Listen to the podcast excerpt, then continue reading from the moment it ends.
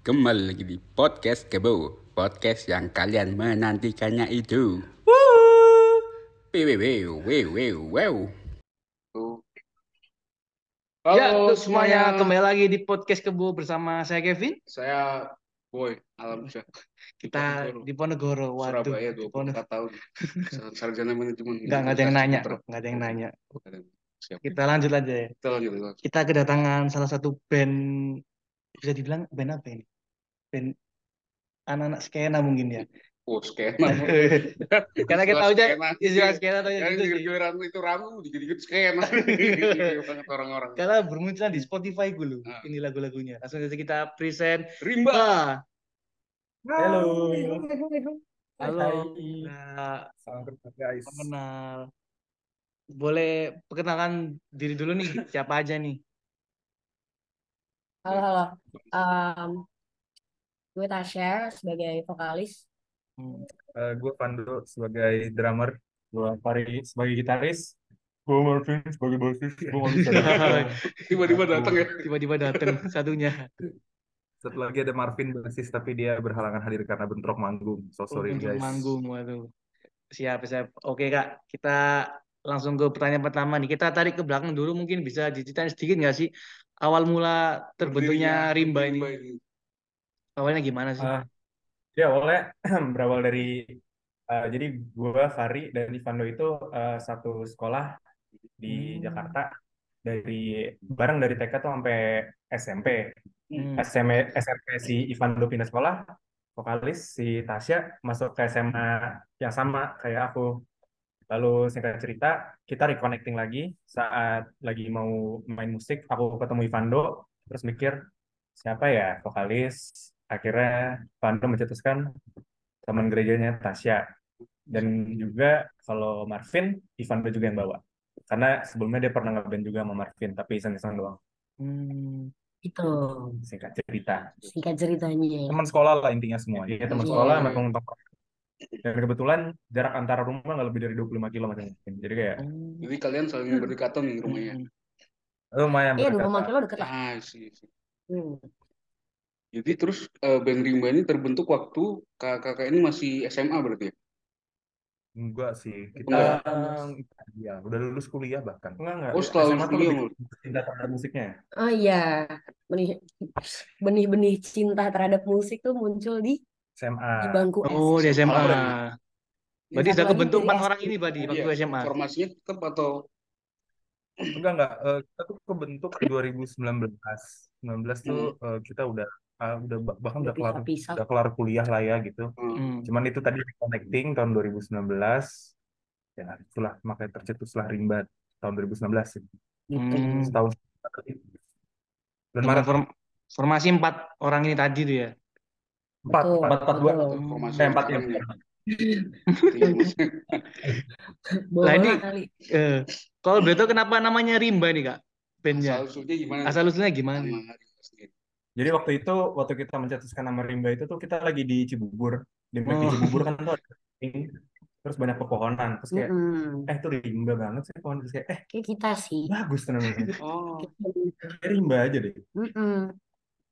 Nama Rimba itu juga sakti lah. Lumayan sakti ya. Sakral, sak- sakral, Sakral. sakti buat kita. Ah, kalau kalau di artian dari bahasa Sanskerta tuh artinya mulia atau enggak ya? Enggak ya? Mulia, mulia dan jujur. Mulia, Mulia dan, dan jujur. Mulia dan jujur. Itu apa ya? Kerja kerja keras tanpa pamrih. Coblos. Work hard, play hard. Work hard, play hard. Tuh. Eh. Sama Res Harder. Reza harder. Nah, kalau Rimba sendiri bisa dibilang genrenya masuk ke Iya. arah mana sih, Kak? Sekarang masuk apa nih genrenya? Nah, itu kalau rimba itu sesuai namanya sih. Kita Hmm. mengusung sosokan mengusung genre sendiri gitu namanya pop belantara. Hmm. Itu benang merahnya tetap pop, cuman kita bawa dengan eh, spektrum yang luas. That's why namanya pop belantara. Genre Pop kita belantara. Pop belantara. Ini baru Ya. denger sih aku. Pop belantara. Iya memang. Itu baru Karena kakak Rimba sendiri yang nyiptain. Aku juga baru dengar hari ini. Tapi nggak apa-apa. Ma- Bagus masuk masih masuk. Masih masuk. Tapi garis besarnya masih di pop nih kakak. Pop ya ya. Benang merahnya masih pop. Yes, yes, yes. Hmm. Kalau mungkin band Rimba sendiri mungkin punya ini nggak sih sosok yang menginspirasi mungkin masuk ke musik-musiknya Rimba mungkin sosok-sosok idola Karena mungkin. akhirnya kalian pengen terjun ke Hmm. sekarang seperti sekarang ini tuh awalnya gara-gara lihat siapa nih Pak? Mau kayak gini nih. Berempat, hmm, berempat dengerin musiknya beda-beda sih ya. Hmm. Eh, siapa nih? Tasya dulu deh, Tasya dulu, Tasya dulu. Tasya dulu, Tasya. Kak Tasya dulu sih. Tasya tuh lebih sering dengerin lagu-lagu yang nggak ada vokalnya. Oh, apa itu? Instrumental tadi Kak. Iya, lebih ke kayak kalau Berarti kalau musik hotel zaman sama sekarang kayak musik Ali lagi gitu itu ya? kan lagunya gimana gimana? Ya zaman sekarang kayak Ali Radio gitu. Nggak nyampe sih, saya kayak nggak Nggak nyampe nyampe sih gitu. kalau denger Ale, Oke. eh Ali lebih Hmm. ke dengerin lagu-lagu di lift gitu kan atau di Oh. lobby-lobby hotel tuh enak Oh, di Tapi Gramedia kan atau ada juga. atau nah itu juga atau kayak Lagu Ramadhan. di Spotify itu playlistnya Just for Sleep. Nah, itulah. Nah, Just for Ah, Sleep. Itu Itu lumayan yang buat didengerin. tidur ya. Kalau mm-mm. ya kalau nggak lagu itu ya paling dengerinnya Rimba buat dikulik sama apa ya kalau lokal ya ada Tapi pas dia nanya yang menginspirasi musik. ya buat bermusik. Iya, Oh ya Iya. sosok, sosok, sosok sosok, sosok dia Iya, sosok di yang internet menginspirasi. di internet paling. Di internet. Contohnya Iya, siapa? ini apa? Google, Google. Yahoo, MSN. Kamu siapa nih, Van? Kalau Kak Kalau Irfan nih. kalau aku tuh dari kecil beda-beda sih ya. Da- Pas SMA pertama kali mulai-mulai ngeband ya grunge, Nirvana, Hmm. Stone Temple Pilots, Pearl Jam. Jadi pas ya itulah be- bertumbuh di era-era musik era-era bukan bertumbuh di era musiknya mereka ya, cuman pas pas aku bertumbuh besar ya aku tertarik dengan denger lagu musik-musik mereka. mereka gitu. Terakhir nih, siapa namanya Mas? Ah, saya Fari. Kalau kalau saya mungkin pertama kali yang menginspirasi saya menginspirasi menginspirasi saya untuk men- mencintai musik itu adalah eh, game Pokemon dulu di Game Boy. Jadi komposer game Pokemon itu namanya Junichi Matsuda. Sekarang dia udah jadi udah jadi head directornya. Jadi kalau kalian familiar sama game Pokemon tuh dari generasi 1 sampai generasi 3 itu tiap tiap kalian masuk kotanya itu berbeda-beda dan nadanya tuh cukup membawa rasa-rasa nostalgia ya ra- ra- rasa-rasa minor kalau misalnya bahasa Hmm. musiknya tuh ya Hmm. dari kayak gitu-gitu deh dari situ udah mulai kayak kok musik bisa bikin gue ngerasa kayak ada di dalam gamenya itu dari situ udah mulai cinta musik baru ngulik ke yang lebih lebar mungkin kayak musisi-musisi yang modern waktu SD tuh Muse Hmm. itu zamannya SMP Nah, sampai sekarang eh, gara-gara di Rimba juga ya spektrumnya sekarang jadi lebih luas sih. Basically sekarang dengerin semua musik asal enak sih masuk Hmm. Asal masuk di telinga oke lah ya. Hmm. selama di Nah, dinamika yang Ah. paham dinamika yang enak gitu Iya. Jadi kita iya betul, betul. Mm-mm. Nah terus ke kakak berempat nih eh, mulai memutuskan terjun ke musik profesional itu kapan? Dunia musik yang lebih profesional lah. maksudnya. Bukan cuma kayak sekedar Eh, pertama kali ingin bermusik secara profesional sih dari 2019 justru pas tempat kali Hmm. pertama kali membentuk Rimba ya kita memang udah eh, punya eh, visi visi untuk ke dunia musik yang lebih profesional gitu jadi bukan sekedar hobi tapi ya eh, ya seprofesi gitu Oh, ya, jadi memutuskan buat 2019 itu mulai sampai sekarang mulai ke arah profesional berarti. Hmm. betul betul Nah, terus lagu pertama yang kalian record nih apa nih? Kalian record, kalian tulis itu lagu apa nih? Eh, ada di di EP pertama kita judulnya SYMD atau eh, Sit Your Mind Down itu lagu pertama dari kita bisa kalian dengarkan kalau belum Itu ceritain tentang apa sih Kak kalau boleh tahu? Um, Sit Your Mind Down tuh bercerita tentang um, kayak kadang tuh kita tuh jangan terlalu banyak mikir kayak ya udah let things flow aja. Karena semakin banyak kalian mikir semakin kalian ngasih energi ke sesuatu yang kalian pikirin dan sesuatu yang kalian pikirin itu bakal jadi lebih repulsif. Dan ya hasilnya hasilnya nggak bakal nggak bakal bagus. Hampir nangis. Tapi ya itu sih, maksudnya diaplikasikan kok sekarang kayak misalnya sesimpel cewek misalnya lagi chat sama cewek nggak bales chat nggak usah kayak nggak usah dicariin ya santai aja santai. Kayak Iya, juga masih banyak, masih Kalau banyak.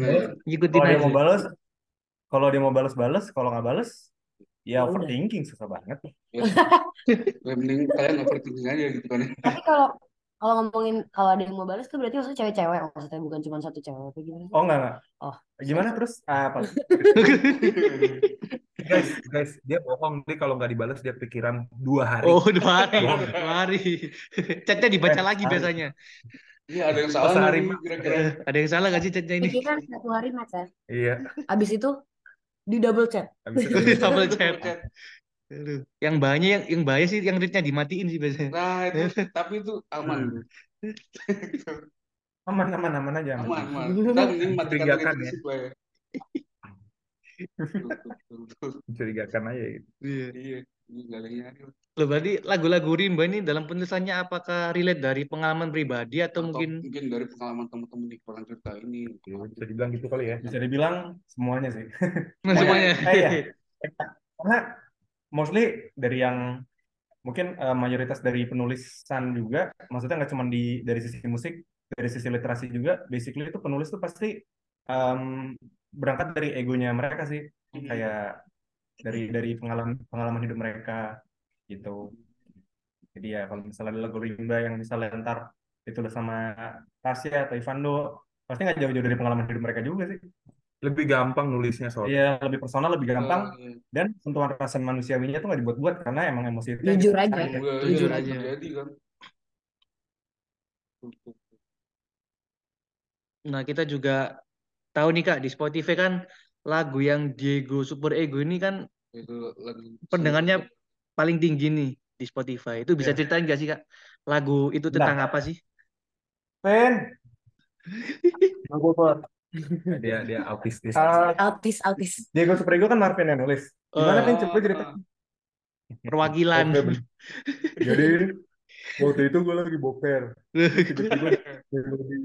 Enggak, tapi sumpah waktu itu ada cerita kayak gitu. Jadi gue dapet melodi.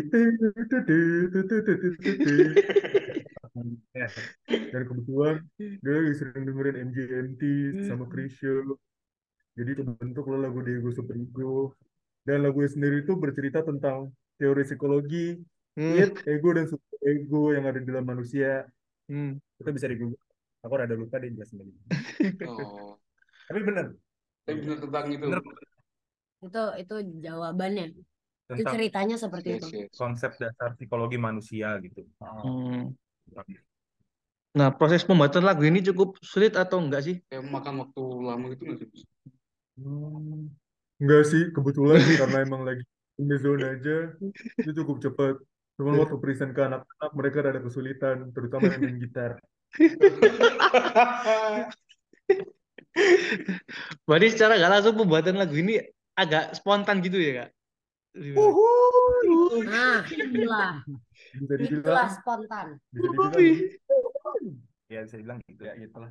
Eh, kita biasanya kalau misalnya salah satu ada yang punya demo atau punya eh, lagu gitu ya itu langsung emang kita langsung dengerin gitu langsung Hmm. kasih oh, oke lagunya enak gue suka nih oke bla bla bla bla udah gitu aja sih jadi nggak nggak ada yang ribet-ribet sampai eh, memakan waktu berbulan-bulan gitu nggak sih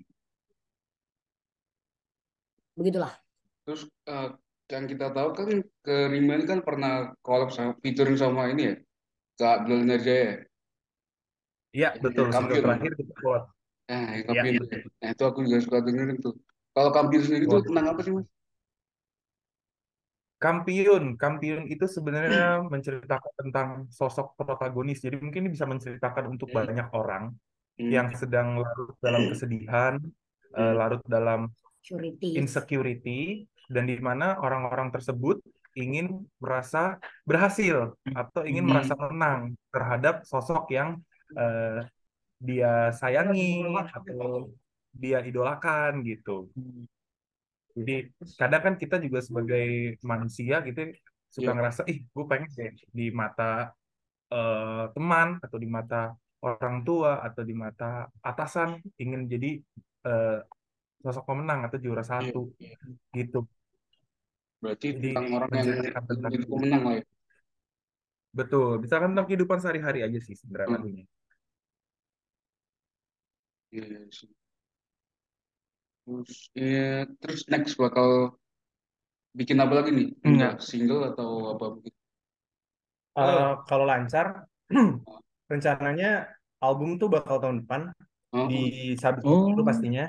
Hmm. Dan sebelum album eh, bakal ada satu single lagi. Jadi kita mohon doanya dari kalian berdua dan para Amin semua. Semoga lancar, Kak. amin, amin. Karena akan ada single yang bakal karena akan ada single yang kita rilis nih bulan Januari kalau lancar.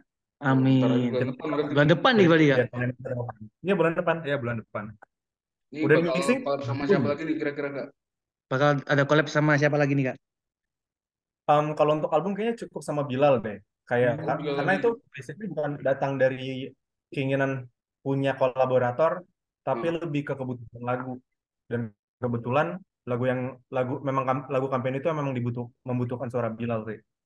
Cuman eh sehabis album ya ada ada rencana loh untuk kolaborasi dengan artis di dalam dengan dengan musisi di dalam maupun di luar negeri udah ada sih. Kita udah ngelis namanya juga. Udah, Di- berarti di udah ada gambaran lah ya. Mm-mm. Dengan Iya. siapa dengan siapa nih Mungkin ada-. Kisi-kisinya, Kak, mungkin. Buat Pendengar podcast kita nih mungkin. Siapa nih yang bakal? Ya, ada orang pengennya sih ada orang Kanada ya satu habis Hmm. itu band Taiwan ada satu band Jepang sama band Australia sih tapi masih kita masih masih masih ngelis ma- baru rencana mau ngontak lah kayak Hmm. mungkin eh, kalau misalnya materinya udah ready banget baru kita bisa baru oper ke bisa berani kontak ya. Heeh, pengen Kalau yang lokal sendiri kira-kira ini mau collab sama berapa ini? kalau lokal sih kalau memang memungkinkan wishlist dari aku personally ya Hmm. Aku tuh lagu sama Indra Lesmana. Oh, Om Indra. Siapa? Uh, aku pengen sama Vina Panduwinata atau Uh, Budi legend. Putra.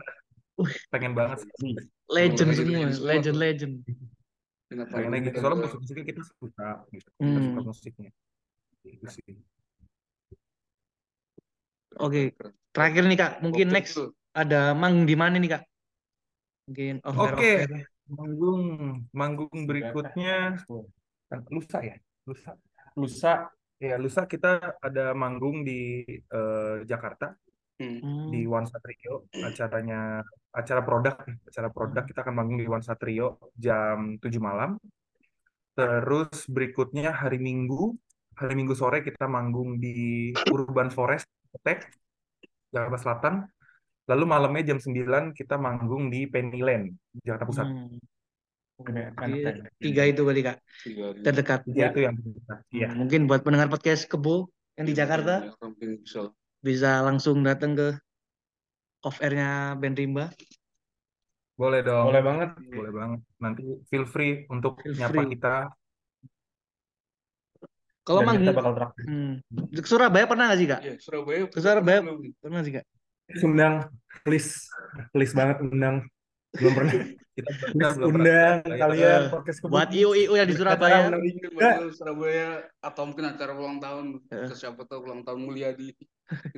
Boleh ulang tahun, boleh. nikahan, Acara sunatan, kitanan. kita- Ah, itu bener. Acara su- sunatan. Sunat, sunat masal. Betul, betul. Nah, Itu, itu Masa. atau kayak konsep baru sih itu. Acara sunatan Iya. misalkan Nadine Amiza datang ke acara sunatan. Itu kayaknya bakal seru sih. atau mungkin iya bikin acara gede gitu. Ada Iya, kayak tiketnya gitu. nih. Itu Misalkan benar-benar iya. semua dirayakan tuh. Sunatan dirayakan. Iya harus dirayakan semua dirayakan. Sunatan dirayakan tuh. Semua aku dirayakan. Dan tiketnya dijual, jadi nggak perlu orang nggak perlu ngasih amplop lagi tuh yang datang. Kan udah beli tiket. Iya. Bagus ya. Oke deh, Kak. Pengen sih. Mm. Oke, semoga-moga Semoga kalau di Surabaya kita nonton. kita bakal nonton juga. Kalau kalian ke Jakarta juga kabarin dong. Kabarin ya. Siap, Siap, siap, siap, siap. kita. Pandu janji mau traktir apa pun yang kalian minta. Betul. Oke, siap. Kita mau traktir di Ancol. Oh, oke aman. Gue ngapain bro? Gondola. Gondola. Flying Fox. Di Rumah miring sih, kita mau benerin ke jalan lurusnya. Nah itu, itu bener tuh. Eh Dari katanya dulu dari eh, kecil mau rumah miring mau diajak hijrah katanya. Wah, wah. biar ke jalan yang lurus katanya mau mau miring mau ajak hijrah nih. Katanya. Susah doakan juga lah. nih. Emang.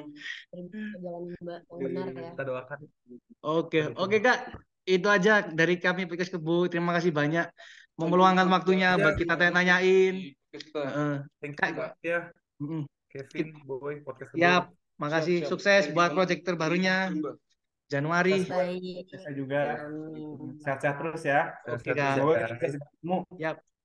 Kita boleh izin foto dulu Kak buat story IG kita. Boleh dong. Oke. Oke. Siapa ya? Satu, dua, tiga. Satu, dua, tiga.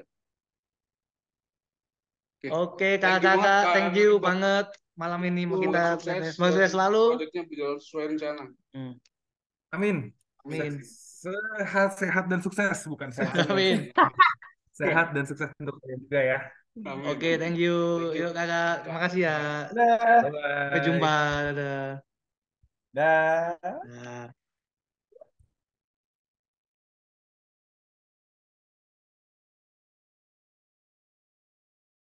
Canto lambale, canto lambale.